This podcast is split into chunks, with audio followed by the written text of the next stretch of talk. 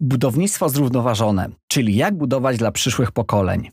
Cześć, z tej strony Marcin Wojciech Żebrowski i zapraszam Cię na najnowszy odcinek Urbcastu, mojego podcastu o miastach, architekturze, urbanistyce, planowaniu przestrzennym i nie tylko.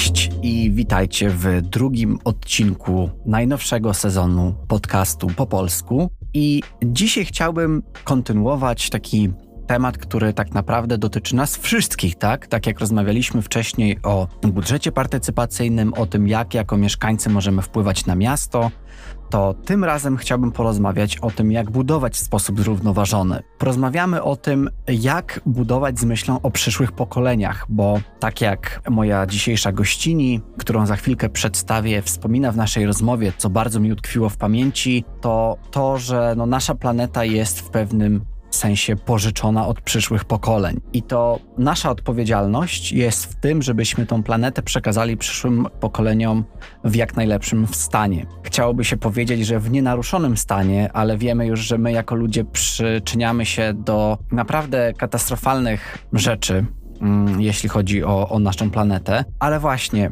są takie osoby i są takie stowarzyszenia, organizacje jak ta, z którą dzisiaj będę rozmawiał. A rozmawiam z Alicją Kuczerą, która jest CEO w PLGBC, czyli w Polish Green Building Council, a także przewodniczącą Europe Regional Network, która jest częścią takiego ogólnego World Green Building Council. No dobrze, ale co ten skrót PLGBC albo ta angielska nazwa w ogóle oznacza? PLGBC to inaczej Polskie Stowarzyszenie Budownictwa Ekologicznego, które jest organizacją pozarządową od 2008 roku realizującą misję radykalnej poprawy projektowania, budowania i użytkowania budynków w Polsce tak, aby zrównoważone budownictwo stało się normą. PLGBC stanowi część globalnej społeczności, ponad 70 organizacji Green Building Councils, skupionych właśnie w ramach tego World Green Building Council. Chodzi o takie budowanie właśnie sieci relacji twórców zmian i takie świadome działanie na rzecz właśnie zrównoważonej przyszłości. Bo tak jak już wspomniałem,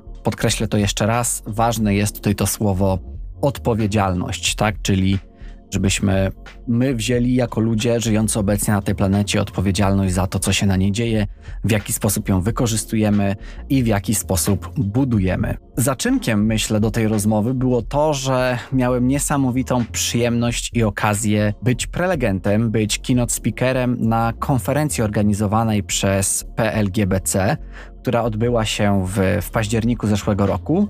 Miała nazwę Changing Places, Changing Lives. Rozmawialiśmy właśnie o tym, jak w ogóle to zrównoważone budownictwo mm, może wpływać na, na naszą Ziemię, na naszą planetę. No i jak zrobić, żebyśmy projektowali w taki sposób mm, rezylientny. Miałem właśnie okazję wygłosić mm, wystąpienie w takim panelu poświęconym Performance and People Resilience. I co ciekawe, to wystąpienie mm, możesz też zobaczyć na YouTubie. Dołączam do, do niego link. Ale wracając do głównego tematu, bardzo interesowało mnie to, jak Alicja patrzy właśnie na to, jakie w ogóle narzędzia, jakie spektrum oddziaływania ma Polskie Stowarzyszenie Budownictwa Ekologicznego, no i czy pod tym wspólnym parasolem właśnie różne grupy zawodowe, zarówno deweloperów, architektów, urbanistów, projektantów, inżynierów, i wielu innych, czy nam się w ogóle udaje osiągnąć pewien dialog i grać do tej wspólnej bramki, którą jest ten zrównoważony rozwój w, w budownictwie.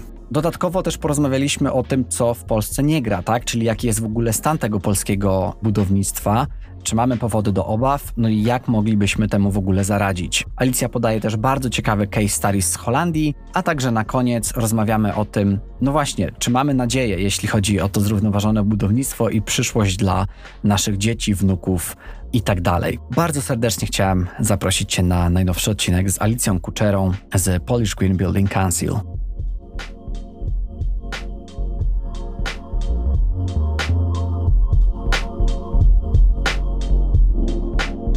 Ja chciałbym zacząć od tego, że Alicja, bardzo serdecznie witam Cię w najnowszym odcinku Urbcastu, no i też w jego najnowszym trzecim sezonie. Dziękuję serdecznie za zaproszenie. Bardzo się cieszę, że będziemy dzisiaj mogli porozmawiać o tym, czym jest w Polsce przede wszystkim to budownictwo zrównoważone i nie tylko. Chciałbym porozmawiać też o działaniach Polish Green Building Council, no bo jesteś przewodniczącą, jesteś CEO właśnie w Polish Green Building Council i chciałbym zacząć od tego w ogóle, z czym się wiąże bycie właśnie CEO największej organizacji w Polsce działającej na rzecz tego zielonego i zrównoważonego budownictwa. Wiąże się to z szeregiem różnorakich zadań, może niekoniecznie oczywistych dla każdego i związanych z tym, co dyrektor zarządzający powinien robić.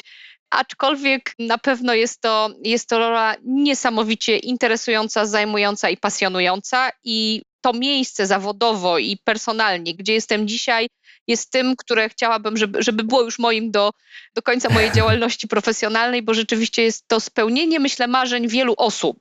Mhm. Ja opowiem może troszeczkę o mojej historii osobistej, skąd się tutaj znalazłam. Zaczął się już ósmy rok mojej pracy w PLGBC. Jestem z wykształcenia magistrem stosunków międzynarodowych, aczkolwiek to samo wykształcenie nie było w ogóle w żaden sposób wykorzystywane w mojej karierze zawodowej, bo najpierw po studiach wyjechałam do Malezji, gdzie przez dwa lata pracowałam, potem wróciłam do Polski i pracowałam tu w takim szeroko pojętym supply chain. Byłam odpowiedzialna za, za fabryki, za audyty fabryk, za produkcję w Azji, bliższej i dalszej. I w pewnym momencie podczas moich studiów MBA, kiedy bardziej zagłębiłam się w zagadnienie zrównoważonego rozwoju, takie czerwone światełko zapaliło się w moim umyśle, że ja jestem po złej stronie lustra. Jak prawdziwa Alicja, znalazłam się nie po tej stronie lustra, po której powinnam być i stwierdziłam, że moje życie zawodowe zaczyna się rozchodzić z tym, co ja czuję, że jest właściwe, co w moim życiu prywatnym wdrażałam, czyli nie wiem, segregację odpadów, oszczędność wody, energii, to tak intuicyjnie robiłam. I jak się dowiedziałam, z czym wiąże się zrównoważony rozwój, to już wiedziałam, że muszę zmienić to, co w swoim życiu robię zawodowo. I wtedy zaczęłam poszukiwać pracy, która związana by była właśnie ze zrównoważonym rozwojem. Nie było to łatwe, ponieważ miałam wieloletnie doświadczenie w całkowicie innej branży i odzewu na moje zgłoszenia, e, odzew był znikomy na te stanowiska związane ze zrównoważonym rozwojem ale zgłosiłam się do Polskiego Stowarzyszenia Budownictwa Ekologicznego, które ówcześnie szukało Business Development Managera. Mhm. Pierwszy punkt y, wymogi, które oczekiwano od takiej osoby, to wykształcenie kierunkowe, czytaj architektura, inżynieria. Drugie, doświadczenie branżowe związane z budownictwem, no i tam szereg innych. Ja nie spełniałam dwóch kluczowych kryteriów. Mimo tego tak spodobało mi się, weszłam na stronę stowarzyszenia, zobaczyłam czym się zajmuje, tak bardzo spodobała mi się organizacja, stwierdziłam, zaryzykuję. Wysłałam zgłoszenie pisząc od razu, że moje jedyne doświadczenie takie praktyczne z budownictwem to remont własnego mieszkania i na tym się kończy, ale mam pewną praktykę. No i zostałam zaproszona na rozmowę, przeszłam pierwszą turę, weszłam do tury drugiej, no i finalnie wybrano mnie na tego Business Development Managera, co w, z upływem czasu zmieniło się w dyrektor zarządzającą. No i myślę, że i dla stowarzyszenia, i dla mnie był to bardzo, bardzo dobry wybór. Ja oczywiście mogę mówić najbardziej ze swojej strony, że jest to niesamowicie pasjonująca praca. Ja przez to, że nie byłam z branży, że nie miałam wykształcenia kierunkowego, od pierwszego dnia pracy musiałam zacząć się uczyć zawartości, kontentu, tego, o czym my mówimy. I to było dla mnie no, podwójne wyzwanie, bo z jednej strony miałam zarządzać organizacją, rozwijać ją, a z drugiej strony sama się uczyć. I to trwa, ten proces trwa do dzisiaj. Ja się non-stop uczę nowych rzeczy, jestem bardzo otwarta na tą nową wiedzę. Myślę, że ta świeżość, że tak powiem, to, że byłam spoza branży, dała mi właśnie to takie bardzo duże otwarcie na to chłonięcie tego, co się dzieje, jak to się szybko zmienia, że nie miałam już pewnych ugruntowanych przyzwyczajeń i wiedzy, którą nabyłam kiedyś, a musiałam się uczyć wszystkiego od nowa i to zostało i jestem ósmy rok tutaj i codziennie się uczę nowych rzeczy, tym bardziej, że ta otoczka i, i to, gdzie działamy, zmienia się bardzo dynamicznie i ustawodawstwo i, i wszelkiego rodzaju podejścia, i czy to firm, czy poszczególnych rządów zmieniają się i to w takim coraz szybszym tempie, także jest to bardzo, bardzo dynamiczne środowisko. Więc odpowiadając, tak zawracając pętlę na Twoje pytanie, jest to bycie dyrektor zarządzającą największej polskiej organizacji, która zajmuje się zrównoważonym budownictwem, to, to nieustanne zdobywanie nowej wiedzy, otwartość, elastyczność i próby no, pokazania środowisku naszej branży, w którą stronę powinna iść, żebyśmy mogli mówić o tym, że mamy zrównoważone budynki w Polsce. To jest w ogóle pod kątem właśnie kariery niesamowita, myślę, dobra porada dla, dla osób, które właśnie szukają pracy, że nie należy, e, że tak powiem, przekreślać swoich marzeń, e, jeśli nie ma się odpowiednich kwalifikacji dla danego stanowiska, warto po prostu aplikować i pokazać się jak z najlepszej strony i to właśnie ty zrobiłaś. No i proszę, gdzie to cię teraz zaprowadziło? Tak, cieszę się, że właśnie nie, nie odłożyłam na półkę moich marzeń, mówiąc, że, że to jest niemożliwe, że już zostanę, będę te fabryki audytować, nie wiem, w Pakistanie, w Indonezji czy w Chinach.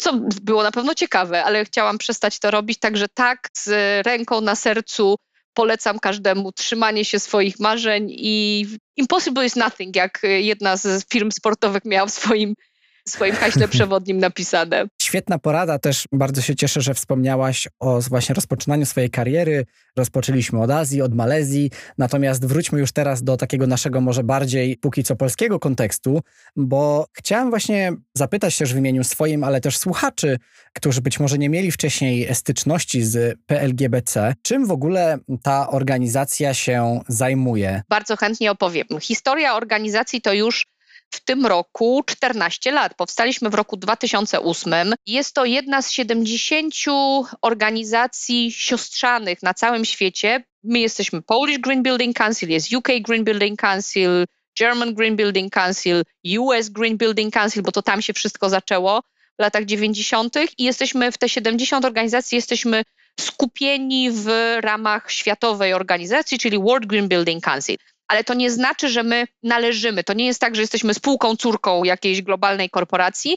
Każde stowarzyszenie powstaje w każdym kraju niezależnie i musi aplikować do tego, żeby być członkiem World Green Building Council, w związku z czym musi spełnić szereg wymogów związanych ze statutem, z transparentnością, z zarządzaniem całym stowarzyszeniem, żeby mogło zostać członkiem World GBC. My od samego początku jesteśmy, bo już założyciele tworząc mieli na myśli to, żeby żeby być właśnie w World Green Building Council i w każdym kraju każde GBC, jak my to tak slangowo nazywamy, czyli skrót od Green Building Council, działa na miarę potrzeb swojego rynku, na miarę stopnia zaawansowania wiedzy o zrównoważonym budownictwie, prawodawstwa, także każdy kształtuje ten swój krajowy kontekst niezależnie, a jednocześnie współpracujemy na poziomie międzynarodowym ze sobą pomiędzy poszczególnymi stowarzyszeniami, czy to w różnych konsorcjach w ramach projektów, czy to ogólnie w ramach World GBC w takich projektach ogólnoeuropejskich czy ogólnoświatowych. A w Polsce działalność stowarzyszenia jest skupiona na czterech filarach. Nasza strategia przewiduje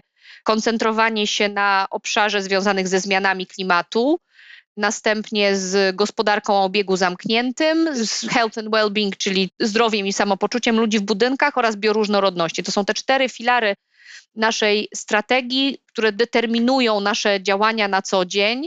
Ja może, może zacytuję w ogóle naszą strategię, bo myślę, że, że warto o niej powiedzieć, co jest naszą wizją. Naszą wizją jest radykalna, i to jest ważne, radykalna transformacja budynków, miast i ich otoczenia w takim kierunku, aby sposób ich planowania, projektowania, wznoszenia, użytkowania, modernizowania, rozbierania i przetwarzania, czyli całego tego łańcucha cyklu życia był jak najbardziej zrównoważony. I to jest to, w jakim kierunku dążymy, a dążymy ku temu poprzez różne działania. Po pierwsze, jesteśmy organizacją członkowską, czyli mamy w tej chwili już 160 firm członkowskich z całego łańcucha wartości budowlanego, czyli począwszy od architektów, przez producentów materiałów budowlanych, deweloperów, wykonawców, różnych konsultantów czy certyfikatorów, poprzez również uczelnie, miasta.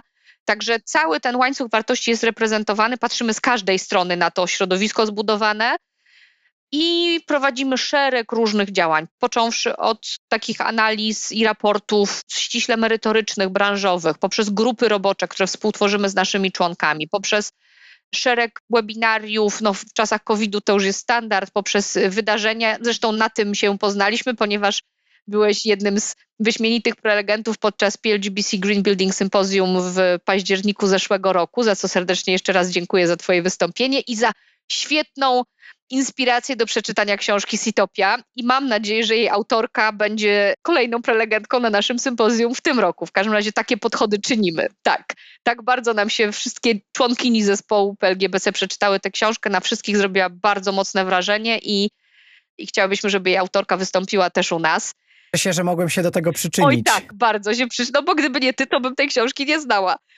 Także dziękuję Ci bardzo.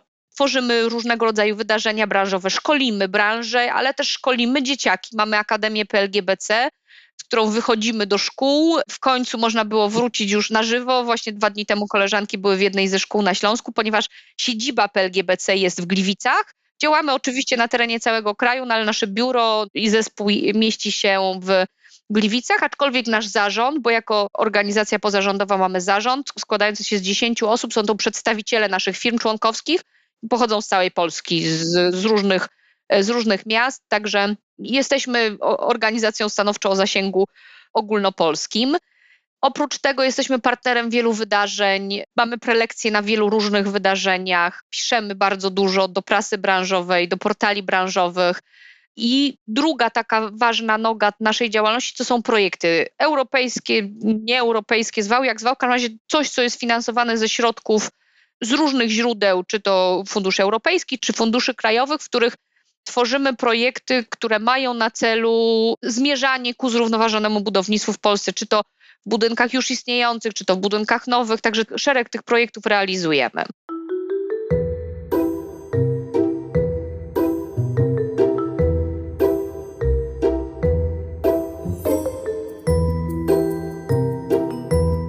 Wspominałaś też, że te organizacje krajowe w poszczególnych krajach, czy to w Niemczech, czy w Wielkiej Brytanii, no i też właśnie w Polsce, działają w pewnym sensie niezależnie, ale wciąż jakby pod takim parasolem całego World Green Building Council i Jesteś też przewodniczącą takiego, nie wiem jak to nazwać, takiego ciała, które się nazywa Europe Regional Network i chciałem się właśnie zapytać, jaki jest stosunek tej e, European Regional Network do PLGBC i do tego też, co się dzieje w Polsce. Czy to ma właśnie jakieś przełożenie bezpośrednie? Tak, ma i to duże. To ja już wytłumaczę tę strukturę. World Green Building Council, jako że jest organizacją ogólnoświatową, jest podzielone na regiony. Ameryki, Bliski Wschód, Europa, Afryka. No i każda z nich ma swoją nazwę. Ta nasza europejska część nazywa się Europe Regional Network i mam przyjemność drugą kadencję być przewodniczącą tej europejskiej części WorldGBC. Jest nas 23 stowarzyszenia europejskie, także my, my jesteśmy w regionie europejskim właśnie tutaj skupieni w ramach Europe Regional Network i bytność w tym, tej regionalnym ciele jest dla nas bardzo ważna, ponieważ po pierwsze jesteśmy blisko legislacji płynącej prosto z Brukseli. Bo WorldGBC, ta europejska część, ma tam swoje przedstawicielstwo, jest na bieżąco z tym, co jest planowane.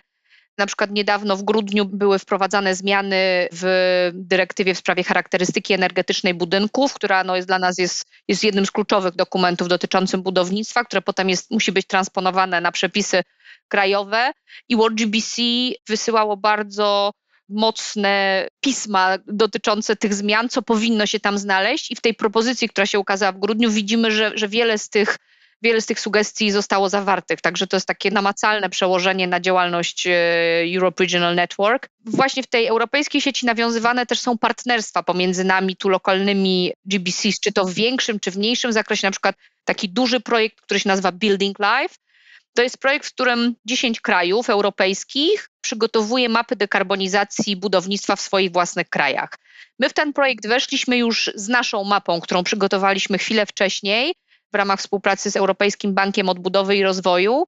I teraz kontynuujemy tę pracę, no, uszczegóławiając tę mapę, dając więcej wskazówek w kierunku tego, jak dekarbonizować zarówno budynki, jak i sektor budowlany w Polsce.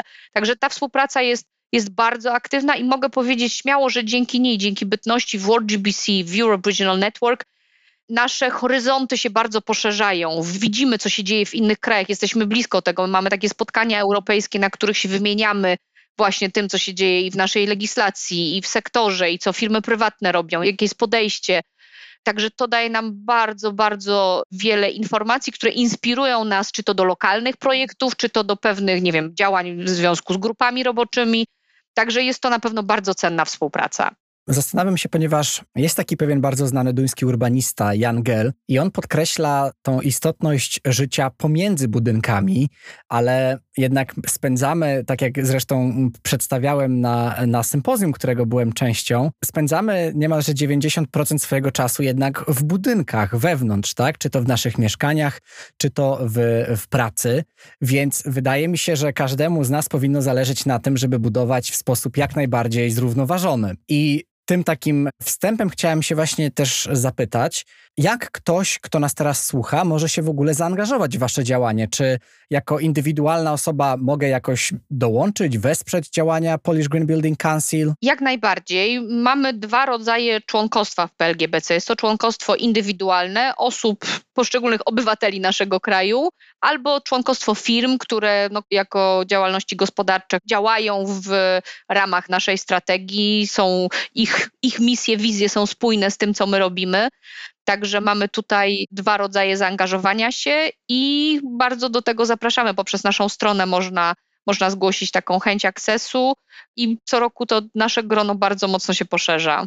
No właśnie, jednym też z takich przykładowych e, możliwości zaangażowania się myślę, że jest e, udział w jednym z Waszych wydarzeń I, i też właśnie bardzo się cieszę, że mogłem być tego częścią, no bo rzeczywiście jest to niesamowita taka platforma do tego, żeby wymieniać się jakby wiedzą z różnych branż, no bo tak jak wspominałaś, to są branże właśnie związane z, z architekturą, z deweloperami, z inżynierami, czyli no to są różne grupy. I jakby chciałbym przejść teraz do takiej może głównej części też tego naszego spotkania, no i porozmawiać ogólnie o takim e, zrównoważonym budownictwie w Polsce. Najchętniej bym od razu zaczął od takiego pytania, czy w Polsce budujemy w sposób zrównoważony. Jednak zanim to właśnie chciałem się zapytać, interesuje mnie to, czy te wszystkie grupy, które jakby współtworzą ten zrównoważony rozwój w Polsce, czy te wszystkie grupy potrafią jakby grać do wspólnej bramki, czyli chodzi mi o tych architektów, o tych deweloperów, inżynierów i tak dalej.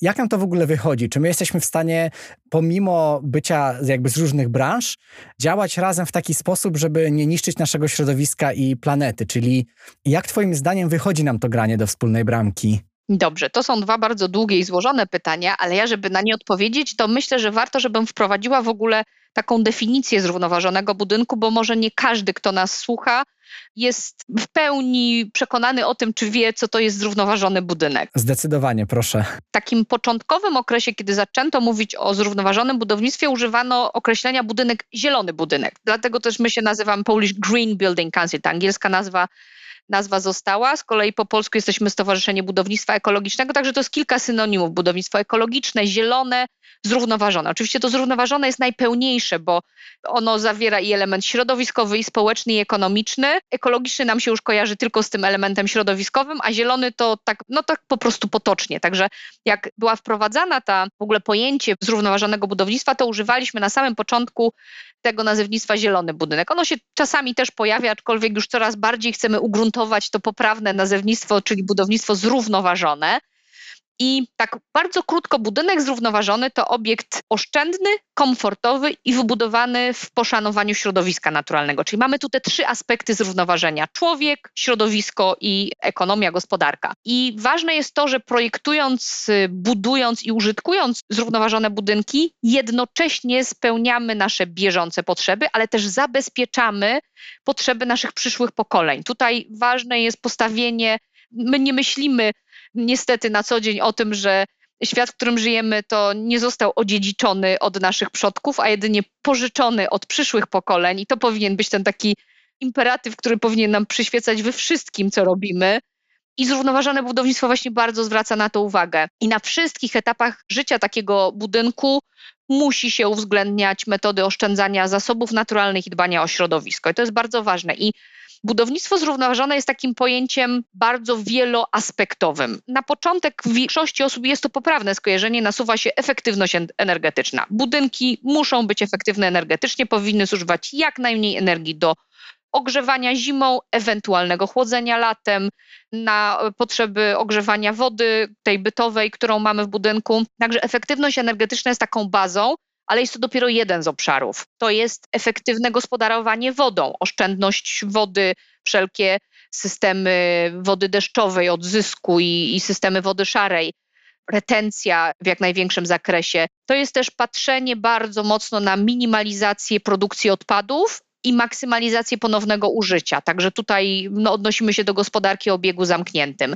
to zwracanie uwagi na tą jakość środowiska wewnętrznego, która ma szalony wpływ na nasze samopoczucie i zdrowie osób, które, no, tak jak podkreśliłeś, spędzamy 90% czasu w budynkach, począwszy od naszych domów, przez szkoły, pracę, sklepy, no, gdzie nie pójdziemy, to załatwiamy cokolwiek w budynku. Także rzeczywiście to, jak ten budynek wpływa, jakie materiały wykończeniowe są użyte, jak, jaką mamy wentylację zastosowaną, jest szalenie szalenie istotne dla naszego zdrowia i samopoczucia właśnie. Mm, to jest to holistyczne patrzenie na budynek, czyli obejmowanie całego cyklu życia budynku. Nie projektujemy go w taki sposób, dzisiaj robię piękny projekt, stawiam budynek, nic mnie nie interesuje. Nie, my już projektując musimy patrzeć na to, jak będzie zachowywał się ten budynek w cyklu życia, ile on będzie wpływ wybranych materiałów, czy to konstrukcyjnych, czy już wyposażenia wnętrz wpłynie na potrzebę modernizacji w przyszłości, jakichś remontów, y, trwałość tych wszystkich użytych elementów. Także patrzenie takie holistyczne. Budynki budujemy na kilkadziesiąt lat, przyjmuje się, że na około 50. W związku z tym musimy być świadomi, że ten budynek przez 50 lat powinien być jak najbardziej aktualny, że tak powiem. Czyli w momencie, kiedy ociepla nam się klimat, są coraz wyższe temperatury, no to my już musimy teraz projektować z tą myślą, żeby jak najmniejszą potrzebę chłodzenia tego budynku latem. Także tutaj jest szereg tych aspektów, na które przy projektowaniu budynku zrównoważonego po prostu zwracamy uwagę. To oczywiście zachowanie zielonego krajobrazu, tej bioróżnorodności. Jeżeli zastajemy ją bogatą, to zachowanie jej. Jeżeli ona jest zbyt uboga, to uzielenianie, czyli dobre zagospodarowanie terenu, ale też zielone dachy, zielone ściany, stosowanie takich rozwiązań, to takie ułatwianie użytkownikom kontaktu w dwóch kontekstach. Po pierwsze, dobra lokalizacja po prostu blisko transportu publicznego, żeby dojeżdżanie do tego budynku nie generowało dodatkowego CO2 z transportu, właśnie blisko wszelkich udogodnień, szkół, przedszkoli, sklepów to na pewno jest ważne, ale też y, w ramach budynku zastosowanie systemów no, zarządzania, czy to energią, czy wodą, czy tak holistycznie całym budynkiem, właśnie umiejętne, umiejętne sterowanie nim, żeby, żeby on był cały czas jak najbardziej efektywny. No i wreszcie to dostosowywanie się do zmiennych warunków, czyli takie projektowanie, bo coraz częściej spotykamy się z tym, że stare budynki, które już straciły, one nie przeszły swojego całego cyklu życia, one absolutnie nie ukończyły 50 lat, tylko mają po lat kilkanaście, dwadzieścia i już e, chce się je wyburzać, budować na tym miejscu nowe, a można je było zaprojektować w taki sposób, że możliwa by była całkowita zmiana ich sposobu użycia, czyli budynek, który kiedyś był biurowy, teraz może stać się nagle szkołą, sklepem czy budynkiem mieszkalnym z jakąś tam częścią powierzchni komercyjnych. Także to takie właśnie projektowanie, które pomoże nam się zaadaptować do przyszłych, czytaj innych warunków. Także to są te wszystkie obszary, na które patrzymy podczas projektowania nowego, ale też już y, użytkowania istniejącego budynku, bo to jest bardzo ważne, że powinno się jak najbardziej wykorzystywać tę tkankę budowlaną, która jest. Ja rzucę kilkoma liczbami. Na polskiej ziemi stoi 14 milionów 187 tysięcy 900 sztuk obiektów budowlanych. Coś, co jest na stałe związane z gruntem, czyli w to wchodzą nawet i stodoły, obory,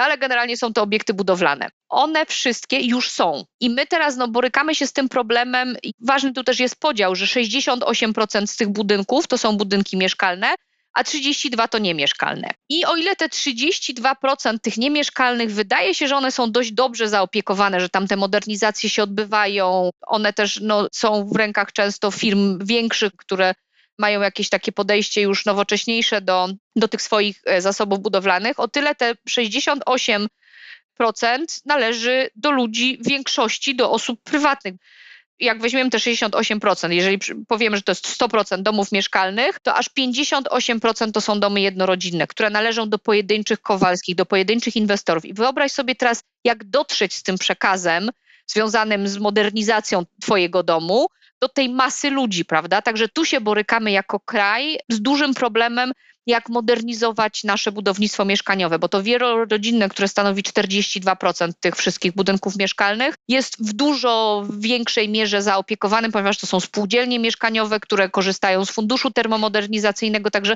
tam ta sytuacja wygląda dużo lepiej, ale w naszym budownictwie jednorodzinnym jest bardzo zła. Teraz mamy, zaczęliśmy nowy rok z wieloma głosami dotyczącymi tego, jak na przykład u nas na Śląsku nie można już, jest ta ustawa e, województwa śląskiego, uchwała sejmiku, która mówi o tym, że nie można wykorzystywać kotłów na paliwa stałe konkretnej klasy zamontowanych przed jakimś tam rokiem. Mnie tylko takie statystyki mignęły, że i o tym zakazie było wiadomo od kilku lat i do tej pory wymieniono tylko 80 tysięcy takich kotłów, a zostało jeszcze 320 albo 330 tysięcy. Także to są horrendalne liczby. I to pokazuje, jakie czekają nas tutaj głębokie procesy związane ze zmianą tych budynków, które już mamy, bo jeżeli chodzi o te nowoczesne budynki, to tutaj i zmieniają się warunki techniczne, które są coraz bardziej wyśrubowane, bo już w styczniu zeszłego roku weszliśmy w ten taki ostatni stopień, bo to były trzystopniowe wprowadzanie właśnie wymogów tej europejskiej dyrektywy, o której wcześniej wspomniałam, i to jest tak zwany budynek prawie zero energetyczny. I te wymogi weszły w styczniu zeszłego roku, czyli te nowe budynki można powiedzieć pod kątem ich efektywności energetycznej, emisji z tego z operacyjnych, czyli tych, które używamy na ogrzewanie budynku czy chłodzenie, jest zaopiekowany, czyli te nowe obiekty, które powstają, one są coraz lepsze i, i tutaj naprawdę idzie to w dobrym kierunku, ale ten zasób budowlany, który posiadamy w Polsce jest naprawdę dużym problemem.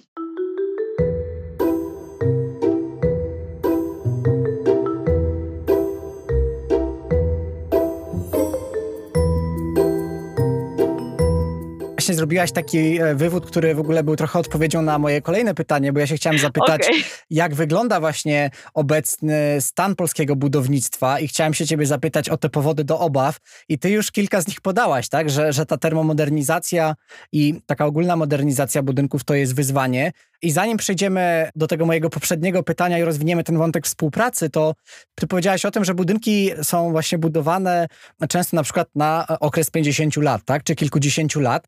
I zastanawiam się, czy my jesteśmy w jakimś stanie zwiększyć żywotność tych budynków, no bo 50 lat to z drugiej strony nie wydaje się długo. Dokładnie, dokładnie, zgadzam się. Znaczy, te 50 lat jest przyjmowane, w, jeżeli robi się ocenę cyklu życia budynku, to to jest przyjmowane jako taka średnia długość życia budynku, ale stanowczo powinniśmy budować je na dłużej, dlatego właśnie one powinny być projektowane w sposób elastyczny, żeby potem przeróbka tego budynku nam się opłacała, bo co jest najgorsze z takimi budynkami, które już straciły, że tak powiem, swoją ważność w dzisiejszych czasach, że ich modernizacja jest po prostu zbyt droga versus wybórz, wybuduj nowe.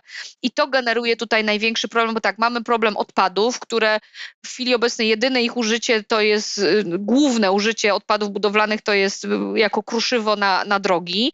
Te budynki też nie były projektowane jak w ten sposób, który z angielskiego nazywa się design for disassembly, czyli tak można te budynki, te, które już są w ten sposób projektowane, można je w taki sposób rozebrać, że dużą część tych materiałów jesteś w stanie ponownie użyć. Ja tutaj znowu zrobię kolejną dygresję. Byłam w listopadzie zeszłego roku w Holandii na takiej circular trip organizowanej przez ambasadę holenderską i rząd holenderski i widziałam kilka przykładów właśnie tego typu budownictwa. Niesamowite.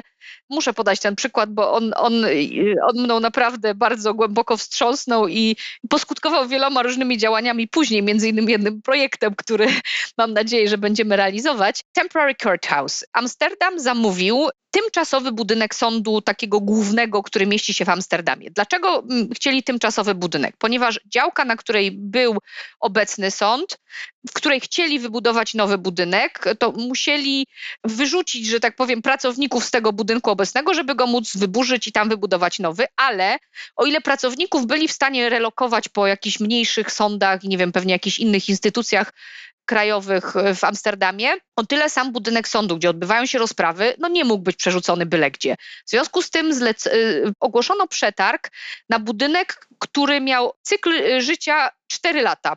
Zamówiono budynek, który ma stać w określonym miejscu, nie za duży, dwupiętrowy, tam jest kubatura bodajże 2000 metrów, o ile dobrze pamiętam, na 4 lata. Ale warunkiem tego, tego przetargu było to, że po tych czterech latach ten budynek jest rozbierany na części, przenoszony w inne miejsce Holandii i jest z niego budowany e, biurowiec. I to się stało, to się dokładnie stało. CPZ, taka pracownia, oni są za, zarówno projektantem, jak i też wykonawcą tego budynku, podołało, że tak powiem, wymogom tego przetargu zostali wybrani i został taki budynek stworzony. I teraz, jak ja byłam w tym listopadzie, oni ten budynek rozbierają. I co jest niesamowite, ja rozmawiałam z tym głównym architektem, który to projektował, mówi, że miał już na swoim koncie kilka projektów tego Design for Disassembly, no ale do tej pory jeszcze nie rozbierał swojego żadnego budynku, no bo to jednak były projekty budowane na wiele lat, do, z tym cyklem życia kilkudziesięciu lat.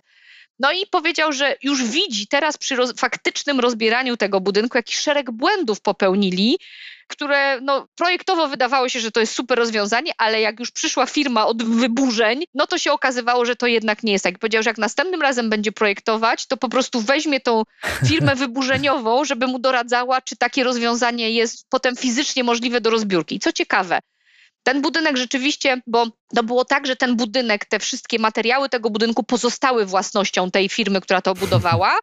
Właśnie z tą możliwością, że oni to rozbierają, sprzedali to jakiejś innej firmie, która ma potrzebę biurowca i jest to budowane chyba 150 kilometrów od Amsterdamu w, jakim, w jakimś mieście. I około 80% materiałów z tego budynku zostanie jeden do jednego przeniesionych do tamtego drugiego. Te 20% niestety nie, no bo to są um, chociażby ściany gipsowe, które gdzieś w niektórych miejscach musiały być użyte, a których się już potem, no nie da się ich zdemontować w taki sposób. I na przykład winda. Co się okazuje? Winda tak zwana funkielnówka nieśmigana, no bo 4 lata, budynek niski, także nie, nie, jakoś bardzo używana, ale nie można jej przenieść do nowego budynku, ponieważ w ciągu tych 4 lat zmieniły się wymogi techniczne dotyczące wind w Holandii i one już nie spełniają tych wymogów. Modernizacja tej windy jest zbyt droga i lepiej się opłaca kupić nową. Ale na szczęście, przez to, że jest to taki sztandarowy, pokazowy case, oni blisko współpracują tutaj z, z odpowiednim departamentem rządowym, który jest odpowiedzialny za, za różne rzeczy związane z budownictwem, bo oni też wszyscy się uczą już pod kątem czy przetargów publicznych, czy ewentualnych przepisów w przyszłości. I jest duża szansa, że dostaną takie mm, zwolnienie, że tak powiem, z tych nowych przepisów ze względu właśnie na, na inne rzeczy i że ta winda będzie mogła być przeniesiona. Wracając tutaj właśnie do tego, gdyby te budynki, które teraz mamy, które już są nieaktualne, były te x lat temu projektowane z tą myślą, że możemy jak najwięcej rzeczy wykorzystać, bo oczywiście patrząc na chociażby okna, zdajemy sobie sprawę, że te okna, które były 20 lat temu, są całkiem, mają całkiem inne parametry niż te dzisiejsze i ich nie można według przepisów już wykorzystać w nowym budynku. Ale kto powiedział, że musimy je wykorzystać jako okna? Możemy je wykorzystać w środku budynku jako ścianki działowe, prawda? Jeżeli to jest biurowiec na przykład albo jakaś galeria handlowa czy coś. Także można nadać całkiem inny kontekst tym niektórym materiałom budowlanym i jeżeli my będziemy projektowali w ten sposób, żeby rzeczywiście myśleć o tym, to na pewno uda się potem te budynki z jednej strony łatwiej modernizować, a jeżeli już będzie rzeczywiście taka konieczność, że trzeba ten budynek wyburzyć, to po prostu odzyskać w takim stanie nienaruszonym materiały, nie żeby je dać do recyklingu, tylko żeby je dać do upcyklingu. Także to tutaj też jest ważna zmiana tego paradygmatu myślenia, która no, która nam pewnie trochę zabierze, bo tak jak mówię, nawet w Holandii, która jest bardzo do przodu i w przepisach, i w wymogach, i w świadomości e, architektów, projektantów, to są dopiero projekty pokazowe, no to pewnie u nas też jeszcze chwilę będziemy na takie projekty czekali. Mhm, ale żeby rzeczywiście to się mogło stać, to teraz może jest właśnie ten dobry moment, żebyśmy wrócili do takiego wspólnego wysiłku tych, tych różnych grup zawodowych po tym e, właśnie mm, wprowadzeniu odnośnie zrównoważonego budownictwa, tego jak obecnie to budownictwo też wygląda w Polsce, no i po tym takim case study bardzo ciekawym z Holandii. Zastanawia mnie to, jak możemy wspólnie różnymi właśnie grupami zawodowymi, bo chyba tylko w takim przypadku się to uda, jak możemy do tego doprowadzić, żeby rzeczywiście budując, dążyć do tego, żebyśmy budowali w taki sposób, żeby jednak nie niszczyć tego naszego środowiska i planety, bo tak jak słusznie stwierdziłaś wcześniej, ta nasza planeta jest w pewnym sensie pożyczona, tak? Od Dokładnie. przyszłych pokoleń. Dokładnie tak. Także jak to zrobić i czy my, jako właśnie różne grupy zawodowe, włączając w to właśnie architektów, deweloperów, inżynierów, ale nie tylko, bo jest jeszcze mnóstwo innych grup, czy my potrafimy grać do takiej wspólnej jednej bramki o nazwie zrównoważony rozwój? Powiem tak, patrząc na naszą polską naturę, to pewnie niekoniecznie leży to w naszej naturze, że my jesteśmy tacy wspaniali we współpracy, ale współpraca jest jedyną możliwą drogą, żeby dekarbonizować nasze zasoby budowlane, naszą branżę budowlaną. Także tutaj nie ma mowy o tym, że, że gramy przeciwko sobie. Musimy wszyscy, wszyscy razem współgrać. My w, w mapie dekarbonizacji, którą opracowaliśmy dla polskiego budownictwa, zidentyfikowaliśmy takich dziewięć grup interesariuszy, którzy muszą działać jednocześnie, każdy w swoim obszarze, żeby rzeczywiście można było dekarbonizować nasze zasoby budowlane, żeby one emitowały coraz mniej i to w kontekście śladu węglowego operacyjnego, ale też tego wbudowanego, czyli tego, co jest w materiałach, które wbudowujemy. To jest po pierwsze, to jest administracja rządowa, która ma bardzo dużą i ważną rolę tutaj, ale też musi mieć sygnały od branży, co rzeczywiście trzeba zmieniać. Jest to administracja samorządowa, to są deweloperzy, inwestorzy i właściciele budynków, Kolejnie to są taka szeroka grupa projektantów, czyli i architektów, i inżynierów budownictwa. Następna grupa to producenci wszelkich materiałów, technologii budowlanych. Kolejna to firmy wykonawcze, bo one tutaj też mają bardzo duże znaczenie. Następnie na etapie już używania budynku to zarządcy budynków, instytucje finansowe, które też powinny mieć narzędzia, już zaczynają ich mieć coraz więcej, żeby finansować zrównoważone inwestycje jakoś preferencyjnie, żeby też zachęcać inwestorów, bo tutaj teraz już to się dużo bardziej zrównało z konwencjonalnym budynkiem, ale nadal inwestycja w budynek zrównoważony jest troszkę wyższa niż taki nazwijmy to standardowy. Jednakże patrząc na cykl życia, to ta inwestycja jest dużo niższa, bo my potem i operacyjnie mniej musimy wydawać na energię, na ogrzanie, na oświetlenie, na, na wychłodzenie tego budynku. I ostatnią grupą jest, y, są takie organizacje jak nasza, pozarządowe, wszelkie stowarzyszenia zawodowe i uczelnie, które powinny dawać tę wiedzę, właśnie tworzyć platformy współpracy, bo to jest nasze bardzo ważne zadanie. Także te wszystkie grupy powinny działać i każdy w swoim zakresie, prawda? Tutaj dla każdego bazą nie do przecenienia jest edukacja, po prostu uświadamianie, pokazywanie tych wszystkich zależności, wagi pewnych rzeczy, bo tak jak ja wspomniałam o tych operacyjnych emisjach i wbudowanych, my tak naprawdę koncentrujemy się i to jest to Energy Efficiency First, to jest y, zasada Unii Europejskiej, która od dawna istnieje, czyli minimalizowanie zapotrzebowania na energię już w trakcie użytkowania budynku ale w momencie, kiedy ta energia z użytkowania budynku nam spada, to rośnie znaczenie tego, co wbudowujemy, czyli tego wbudowanego śladu węglowego. I to teraz jest właśnie czas i to się dzieje w całej Europie, aczkolwiek chyba trochę za wolno niż, wolniej niż szybciej, o tak zwracania uwagi na ten budowany ślad węglowy. I tutaj wielki ukłon w stronę producentów materiałów budowlanych, bo widzimy, jak bardzo mocno się to wszystko zmienia w zeszłym roku, że producenci tych wszystkich najbardziej obciążających budynek śladem budowanym materiałów szukają rozwiązań niskoemisyjnych, no, które sprawią, że ten finalny ślad budowany konkretnego obiektu będzie niższy. Także tutaj się naprawdę bardzo dużo rzeczy dzieje. I tutaj, do czego jeszcze chciałam nawiązać, jeżeli chodzi o administrację rządową, to bardzo ważne jest wprowadzanie właśnie konkretnych już wymogów, bo to nie dotyczy tylko Polaków. Oczywiście każdy naród musi być trochę poganiany i bardziej metodą kija niż marchewki prowadzony, ale jest potrzeba przepisów, które będą rzeczywiście ustalały, jak powinno się budować bardziej ambitnie, w sposób właśnie bardziej zrównoważony, patrząc na ten cały ślad y, węglowy budynku. My to podnieśliśmy, bo w grudniu zeszłego roku zaproponowano nową wersję warunków technicznych. One co prawda, same zmiany, które tam zaproponowano, dotyczyły całkiem czegoś innego, ale my wykorzystując ten moment, stwierdziliśmy, że warto napisać do ministerstwa, że powinno się patrzeć na ten właśnie całkowity ślad, czyli nie tylko operacyjny, który już mamy uregulowany właśnie w tej warunkach technicznych i budynkach prawie zeroenergetycznych, ale też ten wbudowany, żeby liczyć w ogóle robić obliczenia oceny cyklu życia, żeby robić pewne optymalizacje, czyli na przykład wymyśliłam, że zaprojektuję budynek w takiej konstrukcji, w, takich w ogóle parametrach, ale potem spróbować, co jak zmienię użyte materiały, co jak zmienię konstrukcję z jednej na drugą, co jak zmienię stronę świata. I wtedy ta optymalizacja pokazuje nam, jakie w cyklu życia rozwiązania są najlepsze i naj, najbardziej optymalne.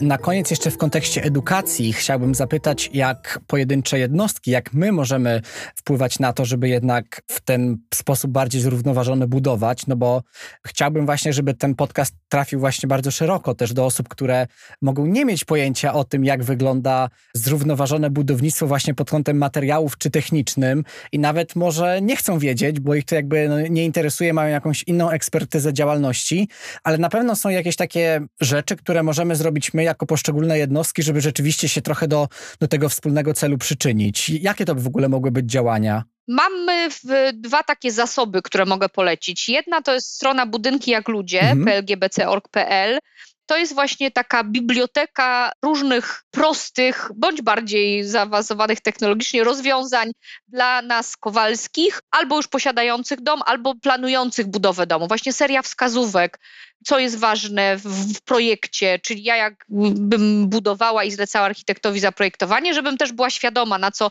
na co zwrócić uwagę w tym projekcie, ale też jak już mam dom czy mieszkanie, którego jestem mieszkańcem, też na co zwrócić uwagę, co warto wymienić w swoim domu w kontekście, nie wiem, okien, ogrzewania, ale jak też na co dzień oszczędzać wodę, czy segregować odpady, także szereg takich naprawdę praktycznych wskazówek. A druga już dla takich osób bardziej zainteresowanych to Zielony Dom lgbc.org.pl. To jest z kolei strona o naszej certyfikacji Zielony Dom, którą stworzyliśmy. To jest dedykowane dla budownictwa mieszkaniowego, ponieważ widząc, że to jest ten obszar, z którym, którym jest najwięcej wyzwań, stworzyliśmy taką certyfikację tak zwaną wielokryterialną, która właśnie pod różnymi kątami, czy to efektywności energetycznej, oszczędności wody, materiałów, lokalizacji, ocenia te budynki i tam tak naprawdę jest cały katalog informacji, rozwiązań co w takim projekcie powinno się znaleźć, żeby można powiedzieć, że ten budynek jest zrównoważony. Także te dwa zasoby będą na pewno bardzo interesujące i dla kogoś, kto się tak chce bardzo ogólnie dowiedzieć i jeżeli już bardziej w szczególe. Ja bym jeszcze na koniec tak dodał pół żartem, pół serio, że należy też słuchać e, starszych, bo pamiętam jak będąc dzieckiem, czy babcia, czy mama mówiły mi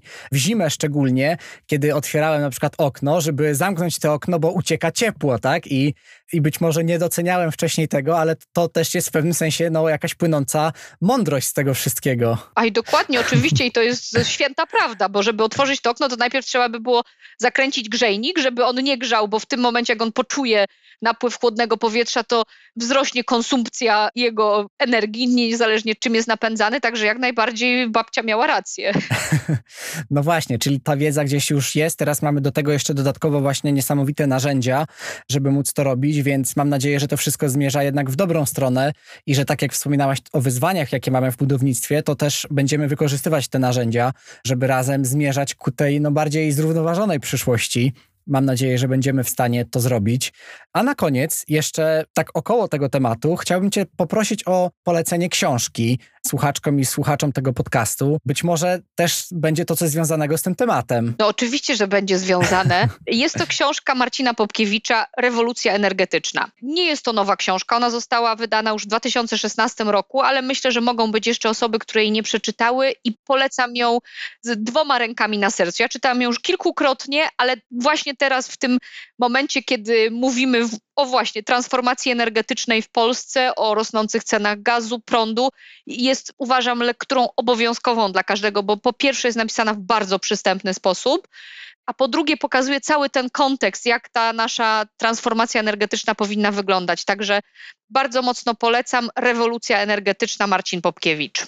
Alicja, bardzo Ci serdecznie dziękuję za podzielenie się zarówno taką swoją personalną historią związaną z PLGBC, tymi różnymi ciekawymi przykładami, za wytłumaczenie tego, czym w ogóle jest ten zrównoważony rozwój, no i także za te bardzo ciekawe polecajki na koniec, zarówno strony internetowe, jak i książka Marcina Popkiewicza. Wszystko to dodam w, w opisie odcinka i chciałem Ci w imieniu swoim i słuchaczy, słuchaczek bardzo serdecznie podziękować za, za tą naszą ciekawą rozmowę. Ja również dziękuję za zaproszenie i było mi tak samo miło. Dzięki.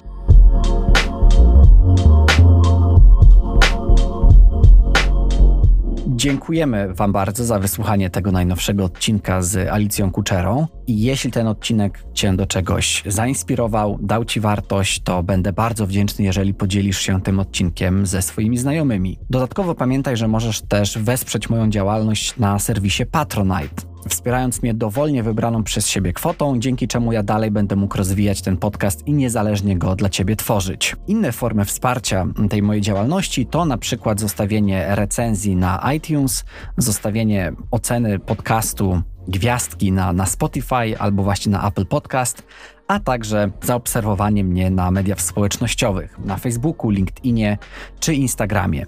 Możesz też stać się częścią co dwutygodniowego Urbletera, czyli takiej paczki informacji, które przesyłam dla Ciebie raz na dwa tygodnie na Twój adres e, mailowy, tak żebyś był lub była na bieżąco z takimi miejskimi smaczkami i z tym, co się dzieje.